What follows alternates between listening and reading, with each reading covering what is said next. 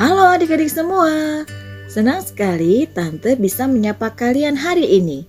Semoga kalian dalam keadaan sehat dan selalu mengucap syukur untuk semua berkat dari Tuhan. Bersemangat mendengarkan podcast Renungan Anak dan selalu rindu membaca Alkitab tentunya.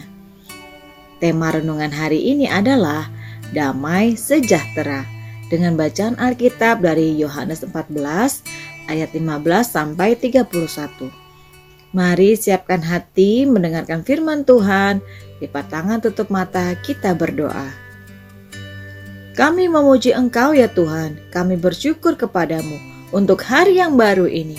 Kami memuji kuasamu dan kasih setiamu, sebab kami boleh melewati hari-hari dengan bersuka cita kami rindu sapaan Tuhan melalui firman-Mu yang kudus. Curahkanlah rohmu bagi kami ya Tuhan untuk memelihara hati dan pikiran kami, agar firman-Mu dapat kami pahami seturut kehendak-Mu. Terima kasih Tuhan. Amin. Yohanes 14 ayat 15 sampai 31 dengan judul perikop Yesus menjanjikan penghibur. Jikalau kamu mengasihi aku, kamu akan menuruti segala perintahku. Aku akan minta kepada Bapa dan ia akan memberikan kepadamu seorang penolong yang lain, supaya ia menyertai kamu selama-lamanya, yaitu roh kebenaran. Dunia tidak dapat menerima dia, sebab dunia tidak melihat dia dan tidak mengenal dia. Tetapi kamu mengenal dia, sebab ia menyertai kamu dan akan diam di dalam kamu. Aku tidak akan meninggalkan kamu sebagai yatim piatu. Aku datang kembali kepadamu. Tinggal sesaat lagi dan dunia tidak akan melihat aku lagi. Tetapi kamu melihat aku, sebab aku hidup dan kamu pun akan hidup. Pada waktu itulah kamu akan tahu bahwa aku di dalam Bapakku dan kamu di dalam aku dan aku di dalam kamu. Barang siapa memegang perintahku dan melakukannya, dialah yang mengasihi aku. Dan barang siapa mengasihi aku, ia akan dikasihi oleh Bapakku. Dan aku pun akan mengasihi dia dan akan menyatakan diriku kepadanya. Yudas yang bukan Iskariot berkata kepadanya, Tuhan, apakah sebabnya maka engkau hendak menyatakan dirimu kepada kami dan bukan kepada dunia? Jawab Yesus, jika seseorang mengasihi aku, ia akan menuruti firmanku dan Bapakku akan mengasihi dia dan kami akan datang kepadanya dan diam bersama-sama dengan dia. Barang siapa tidak mengasihi aku, ia tidak menuruti firmanku dan firman yang kamu dengar itu bukanlah daripadaku, melainkan dari Bapa yang mengutus aku.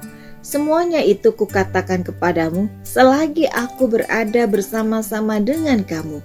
Tetapi penghibur, yaitu roh kudus yang akan diutus oleh Bapa dalam namaku.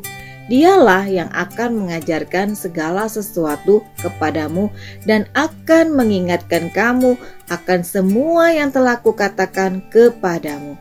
Damai sejahteraku tinggalkan bagimu, damai sejahteraku kuberikan kepadamu, dan apa yang kuberikan tidak seperti yang diberikan oleh dunia kepadamu.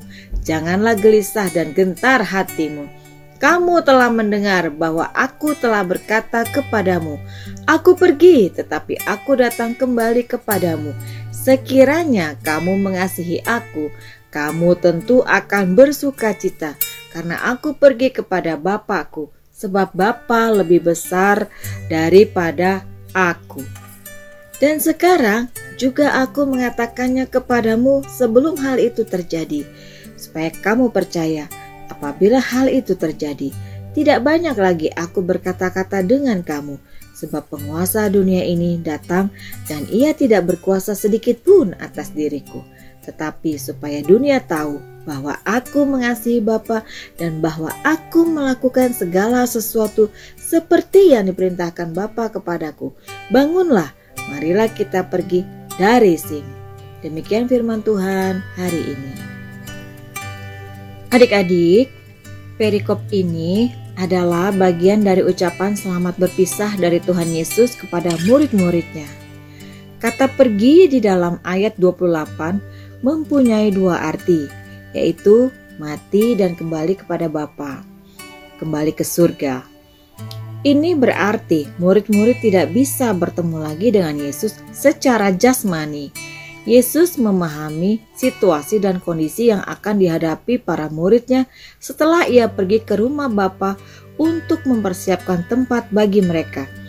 Ini tidak akan mudah bagi para murid. Setelah selama tiga tahun, Yesus begitu nyata dilihat oleh mereka. Tak heran bila para murid merasa gelisah, sebab itu ia tidak akan meninggalkan mereka begitu saja. Itu sebabnya Yesus meminta kepada Bapa agar mengirimkan penolong, yaitu roh kebenaran. Roh kebenaran itulah yang akan mengajar para murid dan mengingatkan mereka tentang apa yang sudah diajarkan Yesus, guru mereka.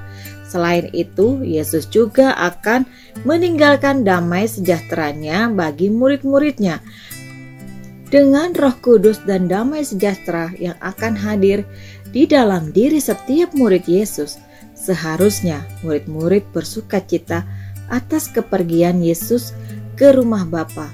Karena itulah bukti kasih mereka kepada Dia. Kehadiran Roh Kudus dan damai sejahtera yang melingkupi kita merupakan bukti bahwa suatu saat kelak kita akan bersama-sama Yesus di rumah Bapa. Adik-adik, di buku renungan ada seorang anak bernama Bulan yang sedang gelisah. Bulan merasa resah karena besok akan ulangan matematika, tapi juga ada banyak tugas yang harus dikumpulkan. Bulan bingung memilih antara ulangan atau mengerjakan tugas. Kegelisahan membuat Bulan tidak bisa berpikir dengan baik dan tidak dapat melakukan sesuatu tidak mengerjakan tugas maupun belajar. Papa Bulan yang melihat Bulan sedang gelisah mengajak Bulan berdoa agar damai sejahtera hadir dalam hati dan membuat Bulan menjadi tenang dan pikirannya menjadi jernih. Dengan suasana damai sejahtera, kemudian Bulan belajar untuk mempersiapkan menghadapi ulangan matematika. Selesai belajar, Bulan mulai menyelesaikan tugas-tugasnya dengan hati yang damai sejahtera. Satu persatu tugas Bulan selesai. Nah adik-adik, coba jawab pertanyaan ini. Apa yang menyebabkan Bulan gelisah ketika hendak belajar? Jawabnya adalah Bulan bingung memilih antara belajar matematika atau mengerjakan tugas. Karena bulan bingung, bulan menjadi gelisah. Bagaimana cara menghadirkan damai sejahtera dalam kehidupan adik-adik?